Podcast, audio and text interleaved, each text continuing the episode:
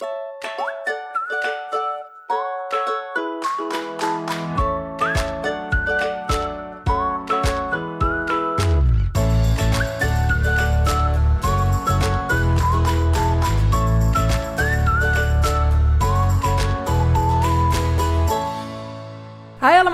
welkom bij een nieuwe aflevering van de Wat ik wou dat ik wist podcast. De podcast waarin ik deel wat ik wel eerder had willen weten en verhalen vertel waar jij je als twintiger hopelijk in herkent.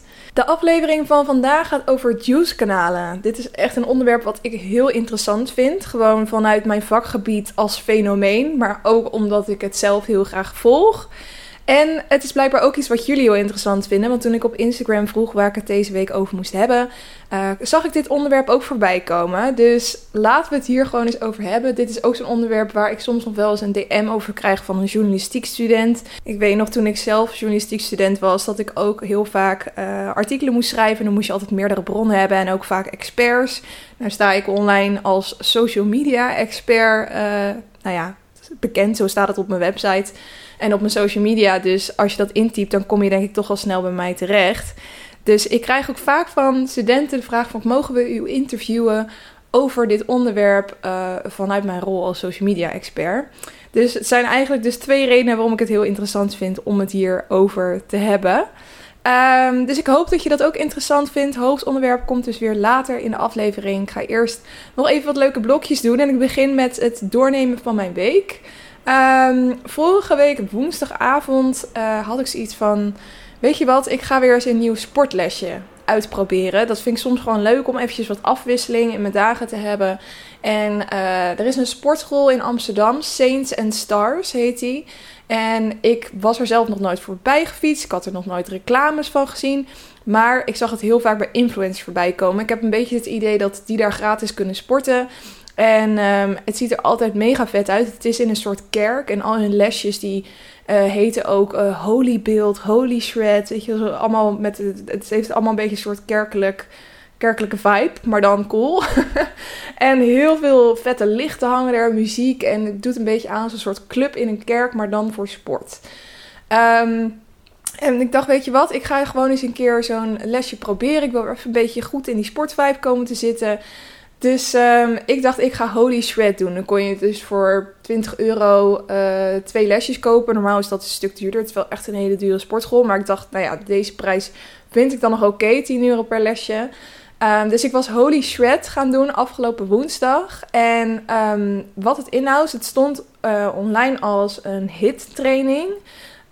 Waarbij cardio dus gecombineerd wordt met krachttraining. Toen dacht ik, nou, dat vind ik leuk. Laten we dat doen.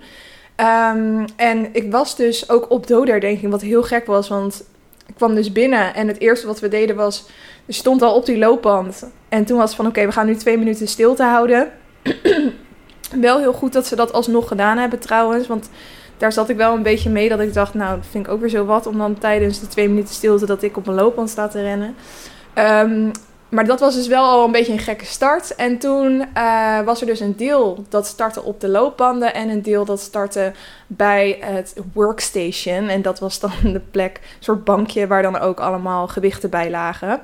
En uh, die twee groepen die switchten dus elke 10 minuten ongeveer van plek. Dus uh, je had dan een instructeur rondlopen met een microfoon en die vertelde dan wat de ene groep moest doen en wat de andere groep moest doen. Nou, ik begon op die loopband en hij zegt ja, zet hem maar op niveau 10. Nou, ik weet niet of je wel eens op een loopband hebt gestaan, maar niveau 10 is echt gewoon, voor mij is dat nou bijna sprintjes trekken, gewoon zo snel zeg maar. Het was 8 uur, ik had 7 uur gegeten, dus ik, ik voelde direct mijn eten omhoog komen. En ik dacht, oké, dit is gewoon eventjes één minuutje of zo.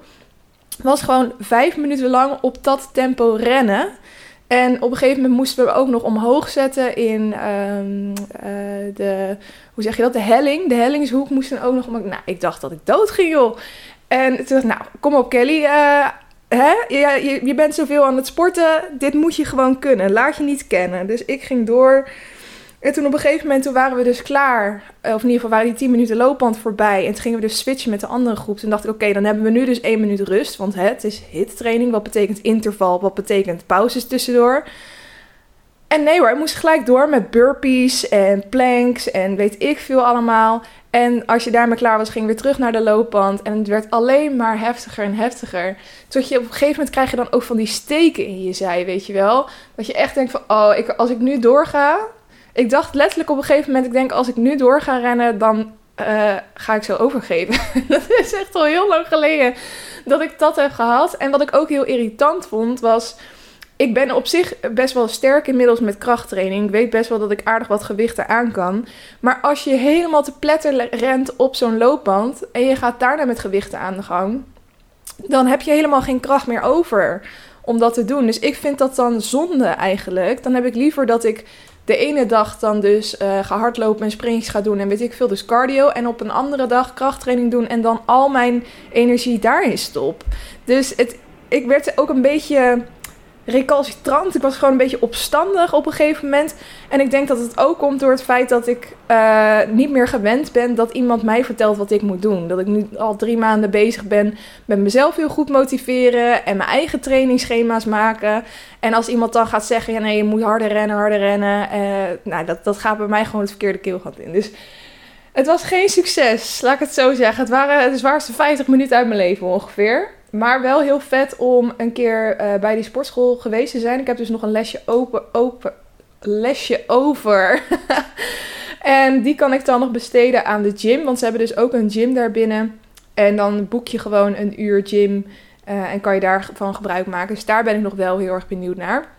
Maar um, ik vond het ook wel weer een grappig verhaal om te vertellen. Want ik denk dat iedereen wel eens een keer een lesje heeft gedaan. En een soort van experiment om te kijken of dat dan iets voor je is. En dat het gewoon zo erg tegenvalt. Dat je echt denkt, wat was dit? Of dat je gewoon een beetje teleurgesteld bent in je eigen kunnen of zo. Dat je jezelf echt wel hoger had ingeschat en dat het gewoon niet lukt. En dat mensen om je heen dan zonder een zweetdruppel lijkt het aan het rennen zijn. Het was ook. Oh, dit, dit wil ik toch ook nog even vertellen. Die loopband die staat tegen een um, spiegel aan.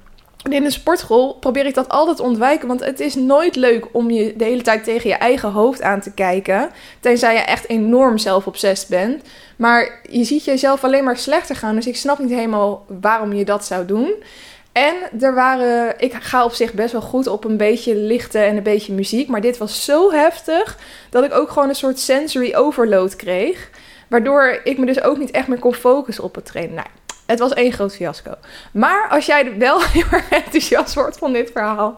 Het was dus de Holy Shred klas bij um, uh, Saints and Stars. En ik weet dat heel veel mensen wel heel enthousiast van worden. En je verbrandt echt tering veel calorieën tijdens één zo'n les. Dus Mocht je dat interessant vinden, dan kan je het altijd eens checken. En stuur me dan vooral eventjes een DM en een spraakverhaal hoe jij het hebt ervaren. Want daar ben ik dan ook wel heel erg benieuwd naar.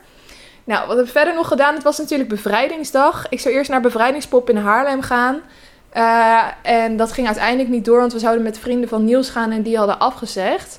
Dus uiteindelijk ben ik met eigen vriendinnen in Amsterdam nog wat gaan doen. Je had onder andere bij het Homo Monument in uh, uh, de Jordaan had je nog wel wat leuke activiteiten. Of in ieder geval, er stond een podium met optredens en muziek en een bar. Dus daar heb ik een tijdje gestaan. En toen, ja, als ik dan eenmaal drankjes aan het doen ben, dan wil ik eigenlijk ook nooit naar huis. Dus we zijn daarna doorgegaan naar de reguliere dwarsstraat. Um, daar heb je een tent, het heet Soho. Daar uh, hebben we dus, zijn we dus nog soort van gaan stappen. Nou ja, uiteindelijk was het toch wel weer drie uur s'nachts. Maar het was eigenlijk echt een superleuke random avond. Uh, vrijdag had ik nog een borrel op mijn nieuwe kantoor. Ik um, heb wat uh, andere meiden gevonden die ook freelancer zijn. Allemaal een beetje in de creatieve hoek. En zij hebben een anti-kraak kantoor gevonden. Waar wij met z'n allen gebruik van kunnen maken. En dat is vlakbij het Vondelpark. We zijn nu met uh, tien meiden en ik deelde dan één bureau samen met een ander meisje. Dus dan hebben we elke week gewoon even welke dagen wil jij, welke dagen wil ik. En dat uh, krijgen we dan wel op die manier geregeld. En um, ja, we zijn nu een beetje aan het inrichten, het gezellig maken, elkaar beter aan het leren kennen. En ik heb er al twee keer gezeten nu ook om te werken. En dat was eigenlijk echt super chill. Dus ik ben heel blij met dat plekje. En langzamerhand komen er ook steeds meer mensen in andere ruimtes in hetzelfde pand. Um, en dat zijn allemaal superleuke mensen. Dus ik ben heel blij met deze keus. En uh, daar had ik dus een borrel mee. En dat was ook heel erg leuk om iedereen wat beter te leren kennen. En het was natuurlijk moederdag afgelopen weekend. Het was super lekker weer. Dus we hebben uitgebreid bij mijn ouders in de tuin gezeten. En bij de ouders van mijn vriend. En allemaal families weer gezien, schattige neefjes en nichtjes mee bijgekletst. En ehm, ja, daar, van zo'n dag kan ik ook zo ontzettend genieten. Dat je gewoon alleen maar lekker drankjes en borrelen en kletsen. En met gewoon mensen van wie je houdt. Daar, uh, ja, dat was gewoon echt een topdag als ik er zo terugkijk. Dus heerlijke week gehad eigenlijk als ik er zo uh, op terugkijk. ik hoop dat jij ook een lekker weekend en een lekkere week hebt gehad. En uh, laten we nu dan maar eens officieel aan de podcast gaan beginnen. En doorgaan naar het lekker loeren blokje. Het is een blokje waarin ik uh, celebrity nieuws doorneem en kijk wat alle BN'ers bijvoorbeeld allemaal hebben gedaan en hebben uitgespoot afgelopen week. Uh, de dag dat ik dit opneem is de dinsdag van de eerste halve finale van het Songfestival. En vanavond gaat S10 dus optreden namens Nederland. En ik ben heel erg benieuwd hoe ze het gaat doen. Ik las al wat berichten over dat ze in repetities echt uh, enorm zuiver had gezongen. En dat mensen heel erg onder de indruk waren. En dat ze misschien wel in de top 10 terecht gaat komen. Dus we gaan er gewoon vanuit dat ze in ieder geval naar de finale gaat van aankomende zaterdag. Um, voor jou is dat al een weet, uh, voor mij nog niet. Dus ik ben heel erg benieuwd hoe het gaat zijn. Ja, ik vind het toch altijd al wel leuk. Eventjes Songfestival kijken. We krijgen wel eters vanavond. En ik weet niet of zij Songfestival uh, fans zijn. Dus ga zien en anders kijk ik het even terug. Maar vind het wel heel erg leuk weer uh, dat we meedoen in ieder geval. En uh, zeker de finale zaterdag, die ga ik denk ik wel helemaal kijken. Misschien met wat meiden uitnodigen en er gewoon een leuke avond van maken. Um, dan iets anders. Ik las een nieuwtje dat uh, Love Island met een special gaat komen. Waarbij er alleen tweelingen meedoen. Er is nu in ieder geval een oproep uh, online gekomen namens Love Island uh, US. Dus in Amerika gaat dit plaatsvinden. En nou ja, meer is er dus nog niet over bekend. Maar daar staat dus in dat ze, dat ze specifiek tweelingen zoeken voor een seizoen van Love Island. Ik ben heel benieuwd hoe ze zich dat dan voor zich zien. Of, je dan, um, of ze dan verwachten dat mensen in de war gaan raken met wie ze dan een koppel moeten vormen of zo. Of um, wat precies de gedachte achter is. Of het is gewoon van ja, uh, knappe mensen zijn leuk om naar te kijken. Dus uh, tweeling knappe mensen zijn nog leuker om naar te kijken. Ik weet niet precies wat de gedachte achter, achter is. Maar ik ben er wel heel erg benieuwd naar. En uh, ja, het gaat dus waarschijnlijk nog wel eventjes duren voordat dit programma er is. Want er is nu alleen nog een oproep, dus de opnames moeten nog starten. Maar ik vond het wel eventjes een leuk nieuwtje om te melden aan iedereen die ook uh, Love Island fan is.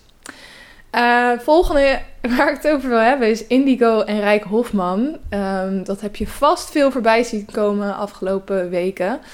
Um, where to begin? Je had natuurlijk The Bachelor met uh, Thomas van Stuk TV.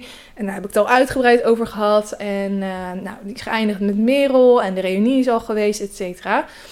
Wat Rijk Hofman had gedaan, die had een serie op uh, YouTube en dat heette Lieve Thomas. En hij heeft dat ook gedaan met het seizoen met Tony, Lieve Tony, en met het seizoen van Gabi Blazer. En uh, wat hij dan doet, is dan gaat hij gewoon de aflevering terugkijken en daarop reageren. En ik vind het echt zo tering grappig elke keer hoe hij dat doet. Um, soms dan zegt hij dingen waarvan ik denk, nou dat is precies ook wat ik dacht terwijl ik naar het programma keek. En soms zegt hij zulke random dingen, waardoor ik dan compleet in de scheur lig. En uh, ja, ik vind het gewoon echt heerlijk om te kijken elke keer. Dus ik heb dat ook elke keer nadat ik de aflevering van de Bachelor had gezien, heb ik dan ook zijn reactievideo's gekeken. En iets wat er bij dit seizoen elke keer in voorkwam, was zijn obsessie met Indigo. Dus een van de deelnemsters. Al toen zij op de rode loper kwam aanlopen in de eerste aflevering, zei hij al van, nou, dat is echt mijn droomvrouw. En elke keer als het door was, dan deed hij een Indigo dansje. Dan ging een soort gek dansje in zijn woonkamer doen. En um, nou ja, hij liet wel overduidelijk blijken dat hij soort van geobsedeerd was door haar. En uiteindelijk is zij het dus niet geworden. Dus zij uh, uh, is, is single in principe. En hij liet ook al wel een beetje doorschemeren in zijn video's dat hij af en toe haar een DM had gestuurd. En dat hij probeerde haar uh, met hem te laten daten. En nou, iedereen was dus heel erg benieuwd van hoe gaat dit verder uitpakken. de mensen die zijn video's kijken in ieder geval.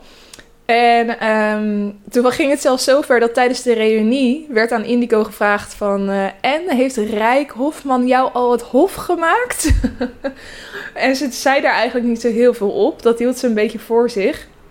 En daardoor gaan de roddels natuurlijk alleen nog maar harder. En toen was er met Bevrijdingsdag een... Volgens mij was het met Bevrijdingsdag, toch? Ja.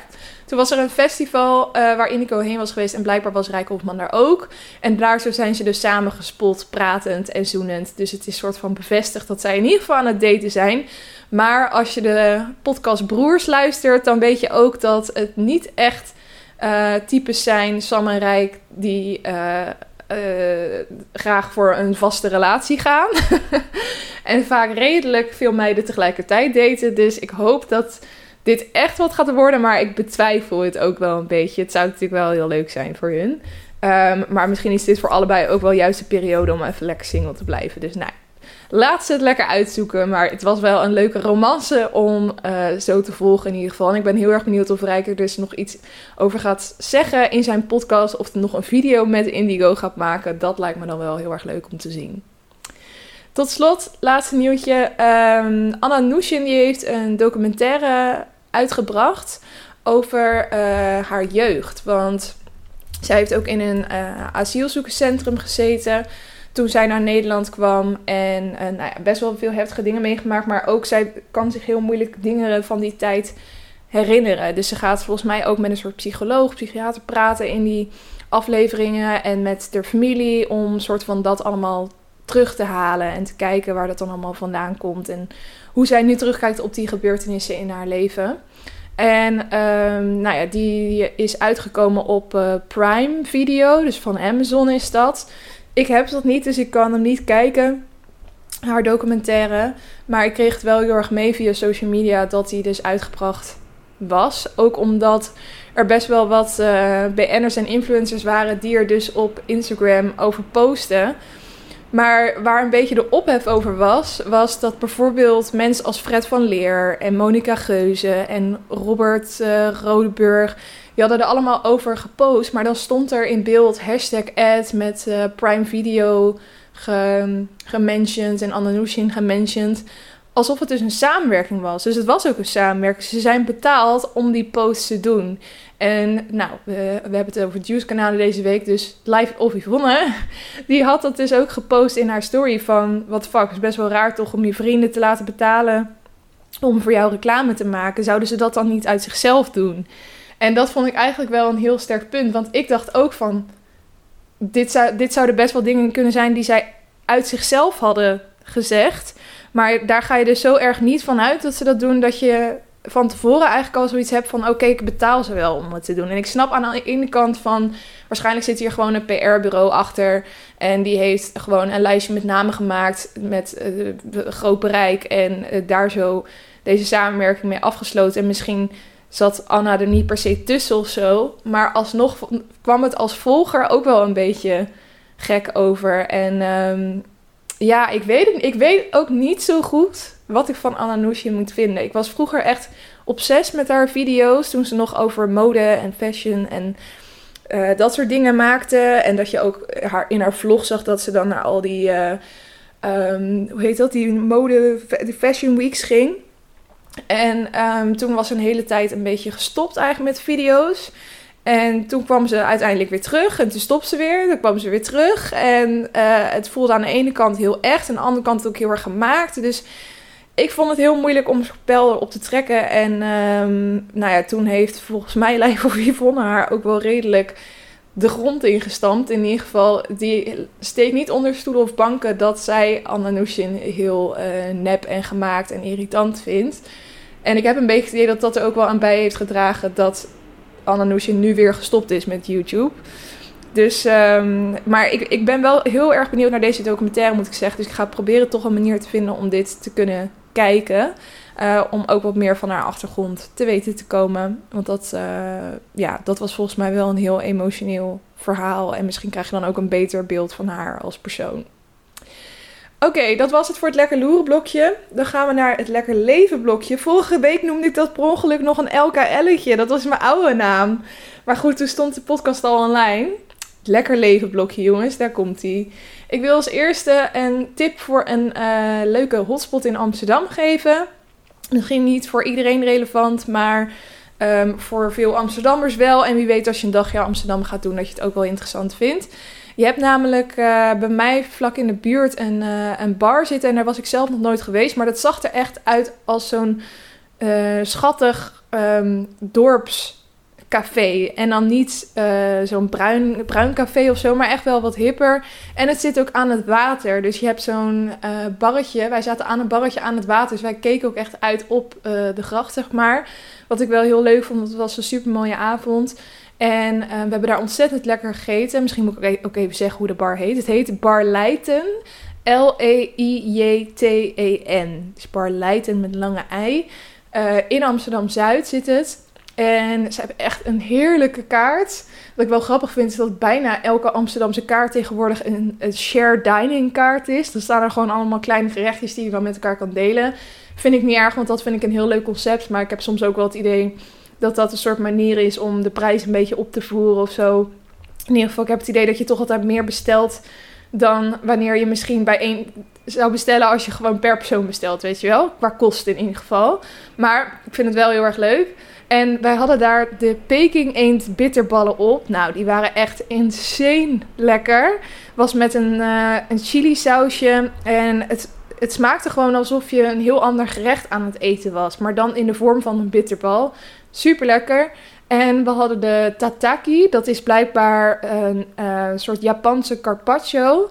En daar zat dan wasabi mayonaise overheen. Dat is ook mega lekker. En we hadden de Asian chicken.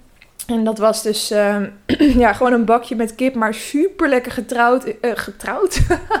super lekkere smaak, heel lekker gemarineerd een uh, goed sausje erbij. En nou, ik, ik was helemaal verbaasd dat ik daar dus nog nooit was geweest en dat ik nooit iemand daarover hoor.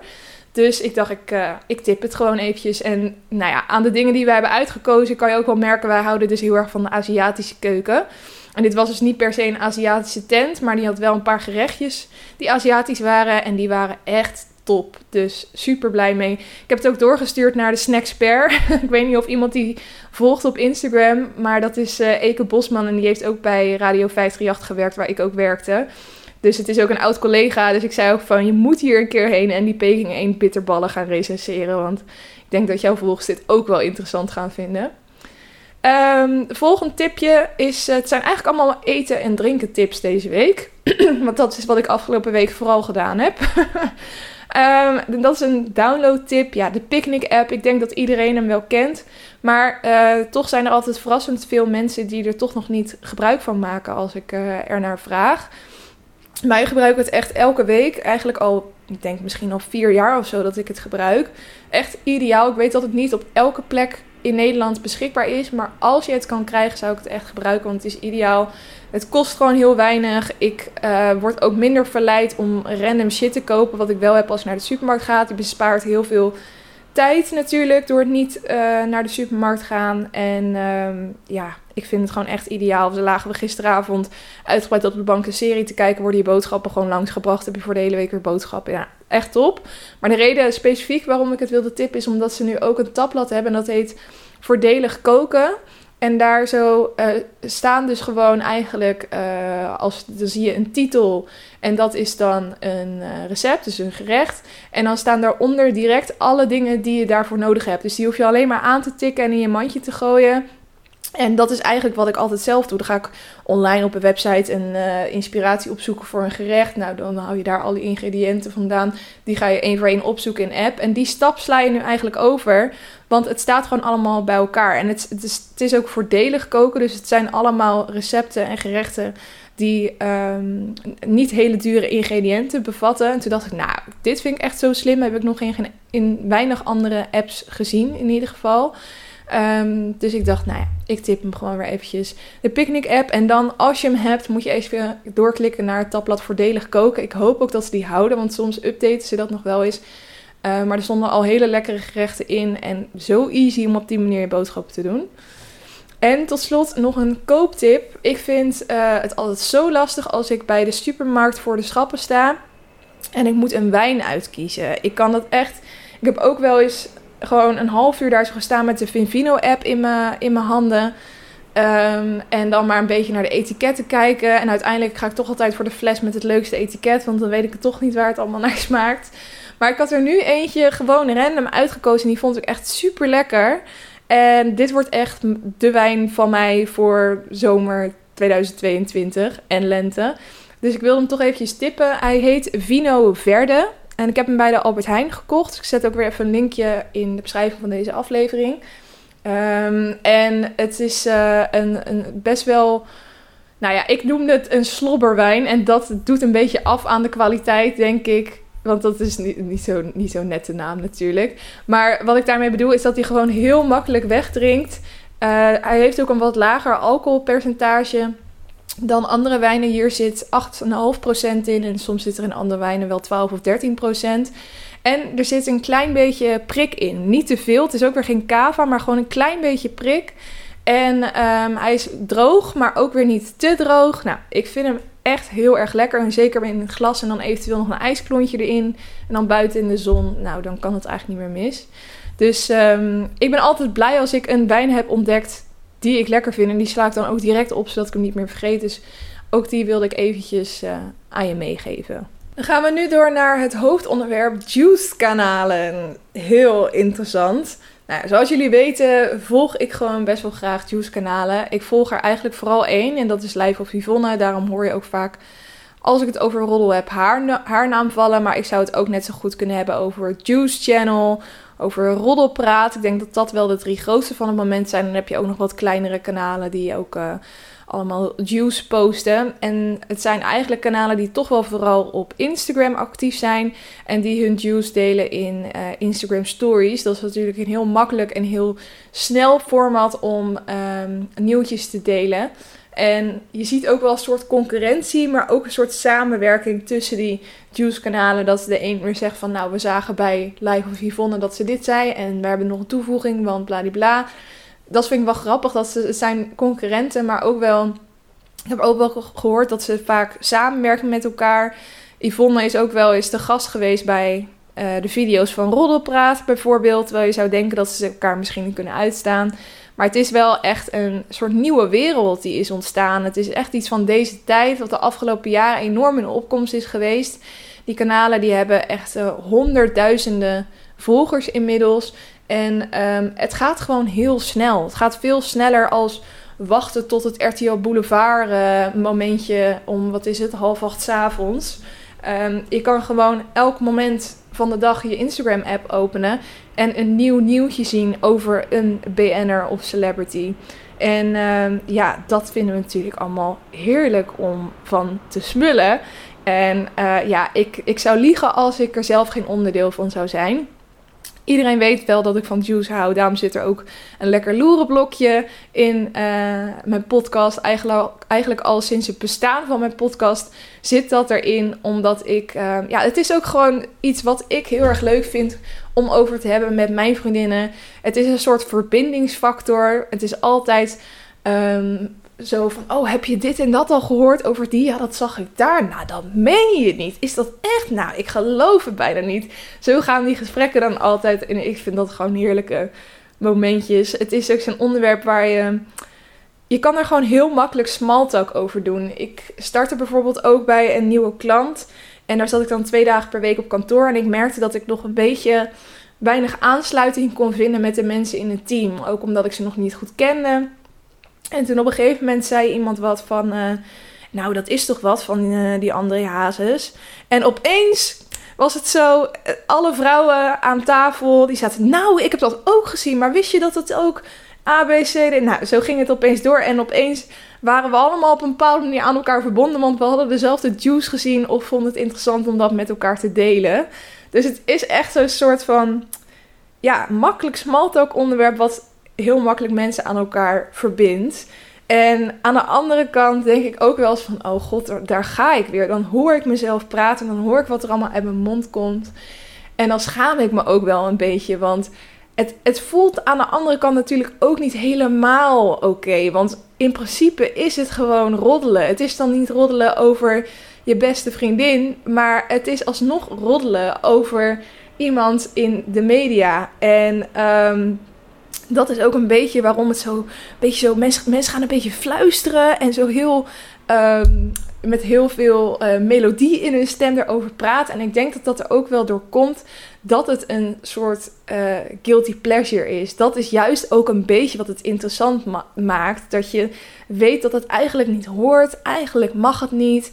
Maar het is toch wel leuk om te doen. En zeker als jij dan degene bent die het nieuwsje kan vertellen wat de ander nog niet weet. Dat geeft toch ook weer een bepaald uh, positief gevoel. Een bepaalde vorm van adrenaline. En um, dat, uh, dat maakt het denk ik wel heel erg interessant. En ook wel de reden waarom natuurlijk die Juice-kanalen opgestaan zijn. Want het is het praten over elkaar, praten over mensen. Dat is iets wat we ons hele leven lang al doen. Wat onze soort, vanaf het bestaan van onze soort volgens mij al doet. Het is de manier waarop wij connecten met elkaar. En um, de verhalen over elkaar vertellen, dat, dat vinden wij gewoon heel erg interessant. Maar goed, het is natuurlijk ook wel vaak bij die Juice-kanalen dat het om negatieve dingen gaat over mensen. En dan is het eigenlijk wel roddelen. En is het dus ook wel een beetje die guilty pleasure. Ik heb pas een podcast geluisterd over, uh, over Juice-kanalen door... Uh, de podcast heet Podcast over Media. Is onder andere met Alexander Klupping. En daarin was Yvonne van Lijf, of Yvonne dus ook zelf de gast. Dat is een anderhalf durend verhaal, anderhalf uur durend verhaal. Maar ik heb het helemaal van begin tot eind geluisterd. En um, zij geeft dus ook een beetje wat meer haar visie op Juice-kanalen. En zij zegt dus ook van ja, ik weet dat uh, roddelen als, als op zich, zeg maar, als fenomeen niet oké is. En Um, ik, doe het, ik doe het wel, weet je. Ik, uh, ik, ik, ik verzorg die roles, ik schrijf erover, ik deel het met mensen.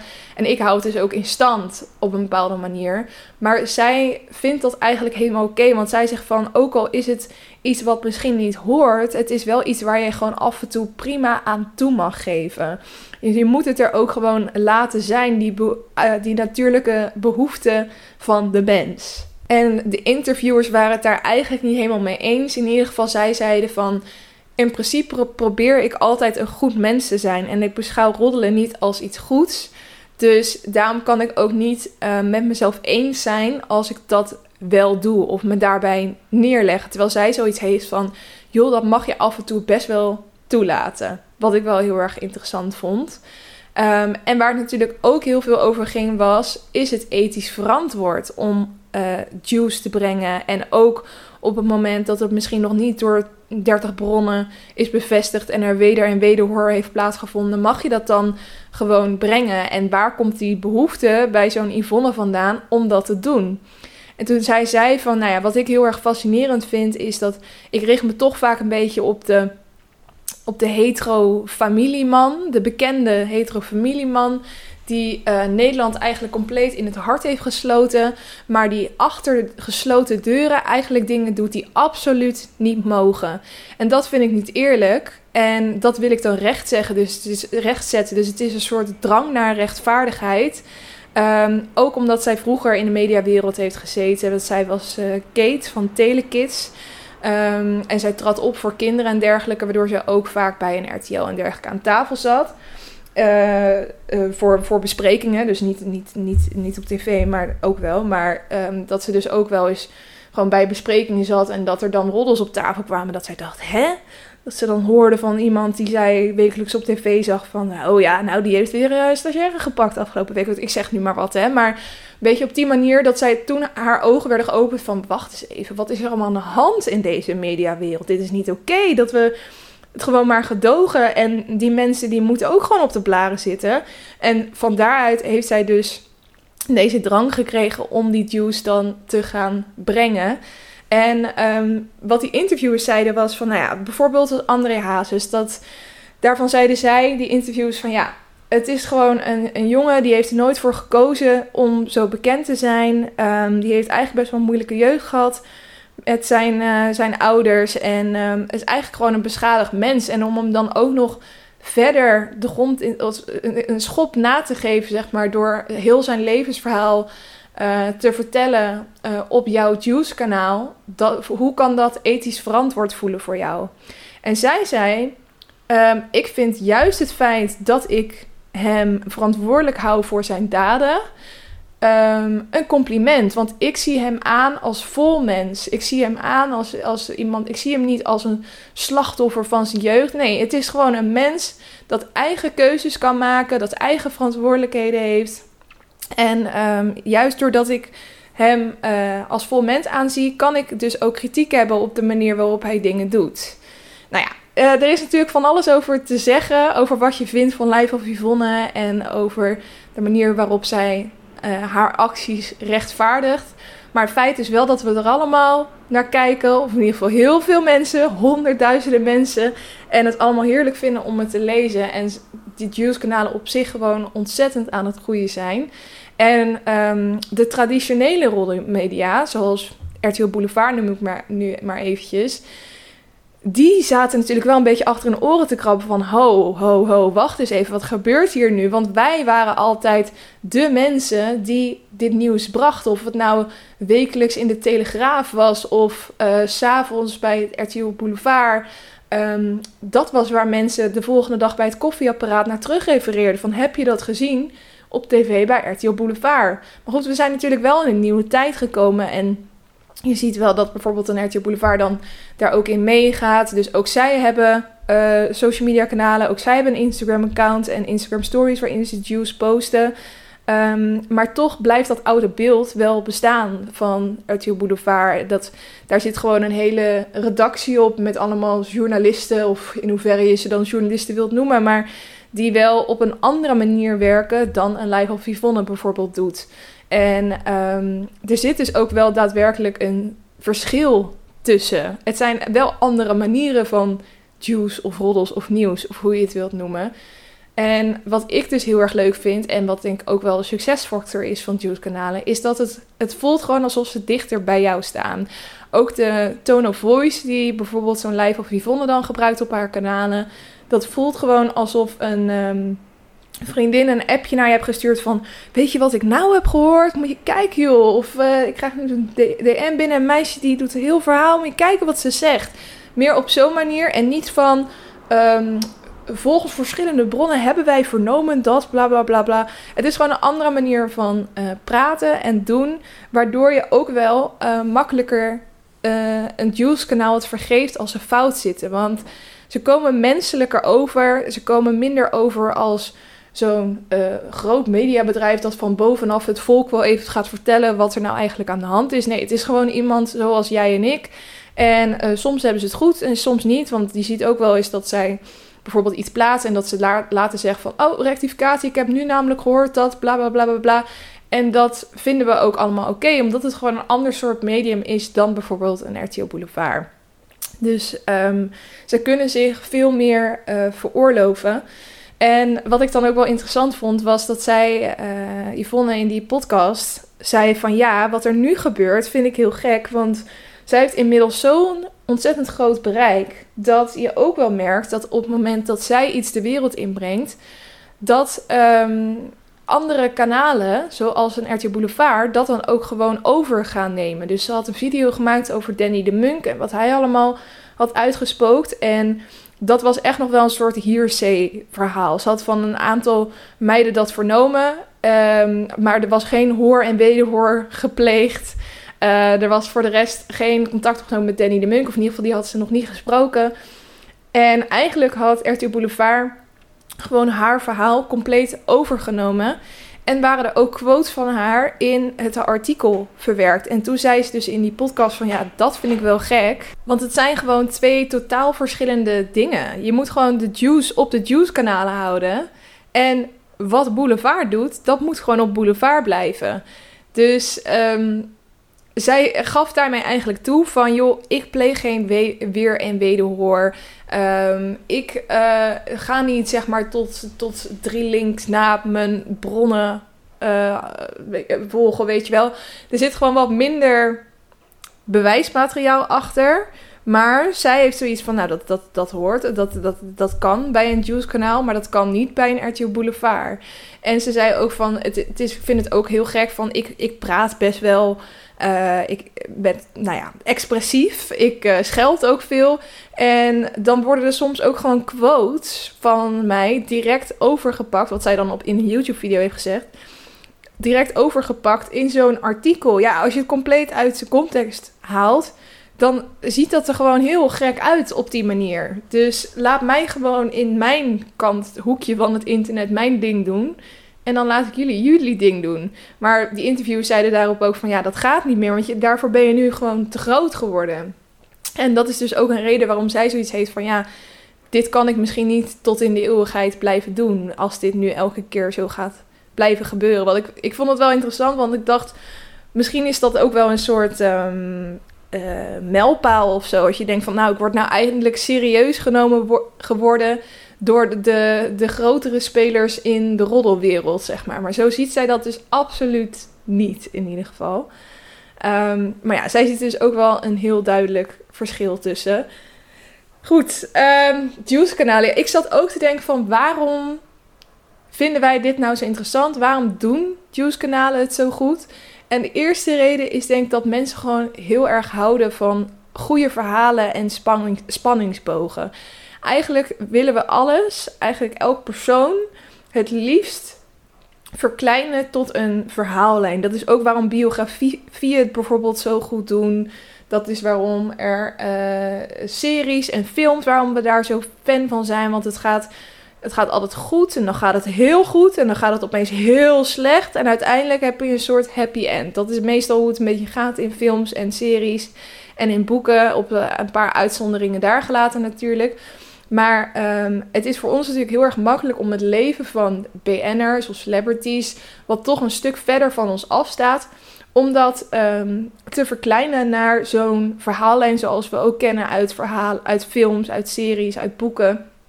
En wat wij daar dan natuurlijk heel erg fijn vinden, is dat we niet elke week een Instagram-post voorbij zien komen hoe goed het allemaal met ze gaat. Maar dat het af en toe ook eventjes heel slecht gaat. En dat het dan weer heel erg goed gaat. En dat het dan weer helemaal instort. En dat is denk ik ook waarom André Hazes het zo, zo'n grote speler is op het kanaal van Live of Yvonne.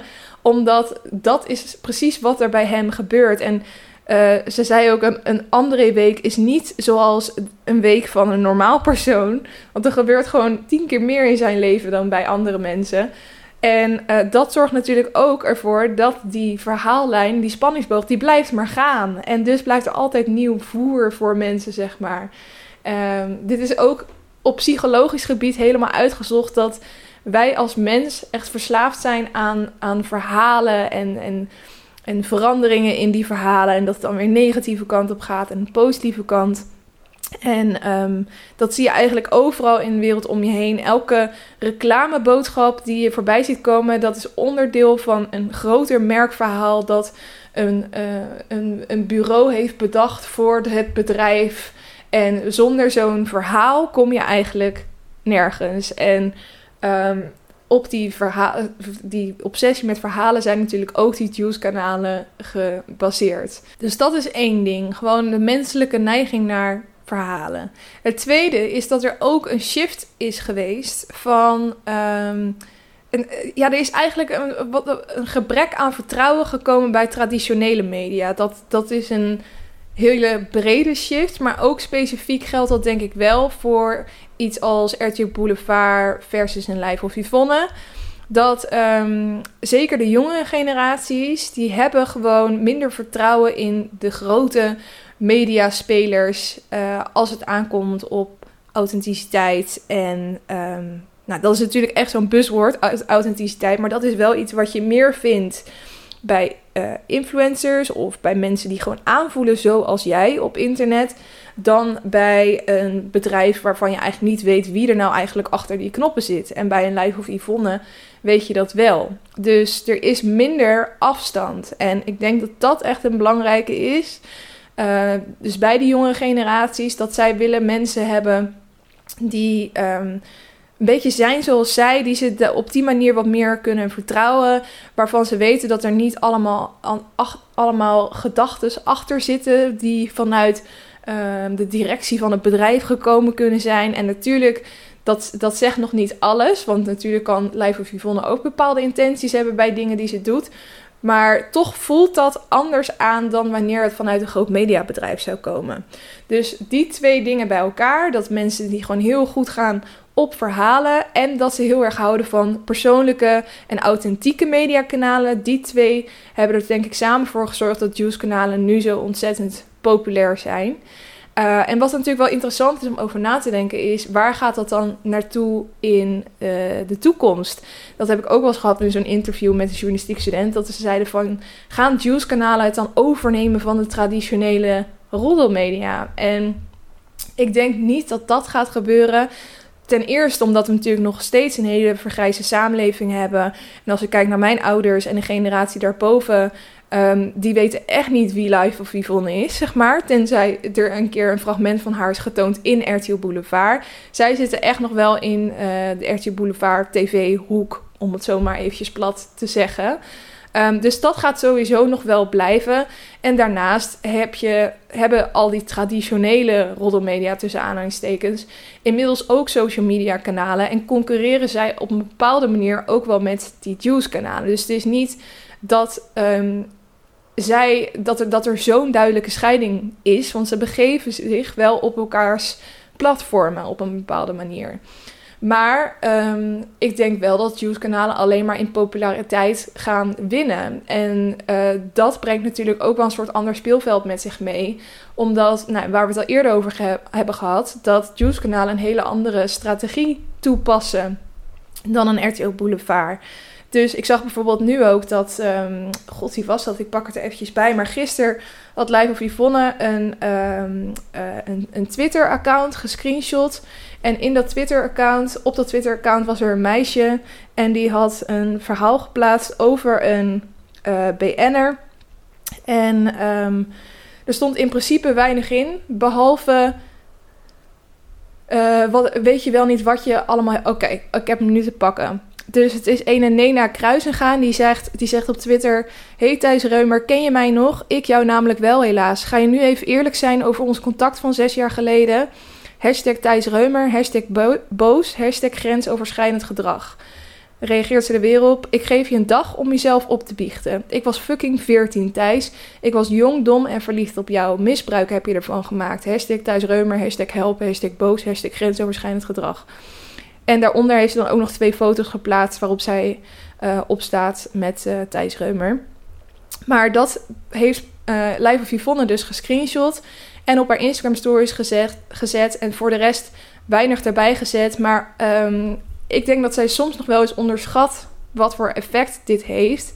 Zij heeft 464.000 volgers en Um, het kan natuurlijk zijn dat zij bijvoorbeeld heel veel van dit soort berichten over Thijs Reumer heeft binnengekregen. Dat dit de druppel was die de emmer deed overlopen. Dat ze dacht, ik heb nou wel zoveel aanwijzingen dat er iets niet goed zit met deze man dat ik dit online zet. Maar er even van uitgaande dat dat niet het geval is. Deze man gaat nu, is, zit, probeert nu waarschijnlijk uh, van zo ontzettend veel journalisten af te komen. Puur en alleen omdat zij dit screenshot online heeft gezet. Er is uh, verder nul bewijs. Misschien is het ook wel het enige meisje die er last heeft, van heeft ondervonden. Maar uh, direct heeft het al zo'n enorme impact op het imago van Thijs Reumer. Uh, dat moet je echt niet onderschatten. En dat heb je ook al bij eerdere voorbeelden wel gezien. Um, en nou, helaas was het vaak wel dat, dat Yvonne er gelijk in had dat er dus van alles aan de hand was. Maar je ziet nu natuurlijk wel steeds vaker dat BN'ers gecanceld worden voordat er uitspraken zijn gedaan in rechtszaken, voordat er überhaupt soms weer en wederhoor is gepleegd. En um, als het daadwerkelijk zo is dat YouTube-kanalen alleen maar groter gaan worden in de toekomst en mensen heel erg belang gaan hechten aan wat daarop wordt gezegd, dan betekent dat ook dat het imago van BN'ers heel makkelijk um, beschadigd kan worden en dat ze heel makkelijk gecanceld kunnen worden. En dat is natuurlijk wel iets waar uh, je een mening over kan hebben. Want aan de ene kant is het denk ik heel goed dat deze mensen um, nu een stuk meer, beter letten op de acties die ze doen. Want um, ze zijn, ik heb wel het idee dat er zeker in de mediawereld en wat Yvonne dus ook heeft ervaren veel te vaak over grenzen wordt gegaan. Ook vanwege de machtspositie die zij vaak hebben. Waarvan ze het zelf niet eens doorhebben vaak. Dus het is wel goed dat ze zich op die manier bewust van worden. En dat ze ook verantwoordelijk worden gehouden voor hun daden. Aan de andere kant moet het ook weer niet zo zijn dat ehm, we eh, zomaar zonder bewijs iedereen kunnen beschuldigen. En dat voordat überhaupt een bevestiging van is, dat zij ook. Ehm, dat heel hun carrière voor altijd verpest is, om het zo maar eventjes te zeggen. En ik vind het ik vind dit soort uitspraken ook heel moeilijk, omdat ik ook weet dat heel vaak is er geen bewijs. Want dan is het dus inderdaad een 14-jarig meisje dat destijds aangerand is, maar er was niemand bij in die situaties. Dus het is ook lastig om dan die ervaring van zo'n meisje te niet te doen. En te zeggen, ja, er is te weinig bewijs van, dus je mag niet zomaar Thijs Reumers zijn imago nu gaan schaden of zo. Dus dat, is, dat maakt de situatie natuurlijk veel lastiger. En ik weet ook nog steeds niet wat dan de goede positie is om in zo'n discussie in te nemen.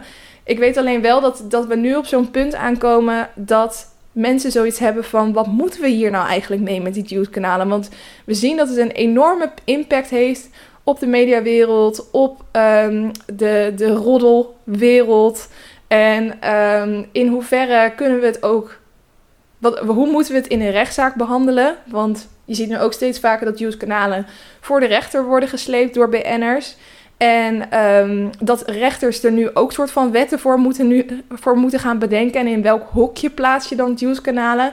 Ik vind het een hele interessante ontwikkeling. En ik ben heel erg benieuwd hoe dit uh, gaat veranderen in de toekomst. Hoe we ernaar gaan kijken. Hoe we, uh, wat voor waarde we aan YouTube-kanalen gaan hechten. En of er daadwerkelijk echt een soort set aan regels komt voor dit nieuwe fenomeen. En um, ja, ik denk dat we er wel gewoon voorzichtig mee om moeten gaan met elkaar. Maar dat we ook wel zowel de positieve als de negatieve kant van het begrip Juice-kanaal uh, in moeten blijven zien. Dus ik hoop dat deze podcast in ieder geval, of in ieder geval mijn verhaal, daar een beetje bij geholpen heeft om uh, ja, van het, het, van beide kanten te kunnen zien. En toch ook altijd wel kritisch te zijn op het kanaal waar uh, op je die juice krijgt. En aan de andere kant ook weer blij te zijn dat het er is, omdat het ook wel weer voordelen biedt. Dus, nou ja, ik ben heel erg benieuwd naar jullie mening over het Juice-kanalen. Ik vind het altijd leuk om met jullie na te praten over de onderwerpen die ik behandel in uh, mijn afleveringen. Dus als je dat ook leuk vindt om te doen, dan kan je me een DM sturen op wat ik wou dat ik wist podcast op Instagram. En uh, dan praten we daar gewoon lekker verder. En als je denkt, daar heb ik helemaal geen zin in, dan ga je gewoon lekker door met waar je mee bezig was. En uh, dan wil ik je heel erg bedanken voor het luisteren naar deze aflevering, aflevering en mijn gebrabbel weer van deze week. En dan hoop ik dat je er volgende week ook weer gezellig bij bent. Dus tot dan. Oké, okay, doei doei!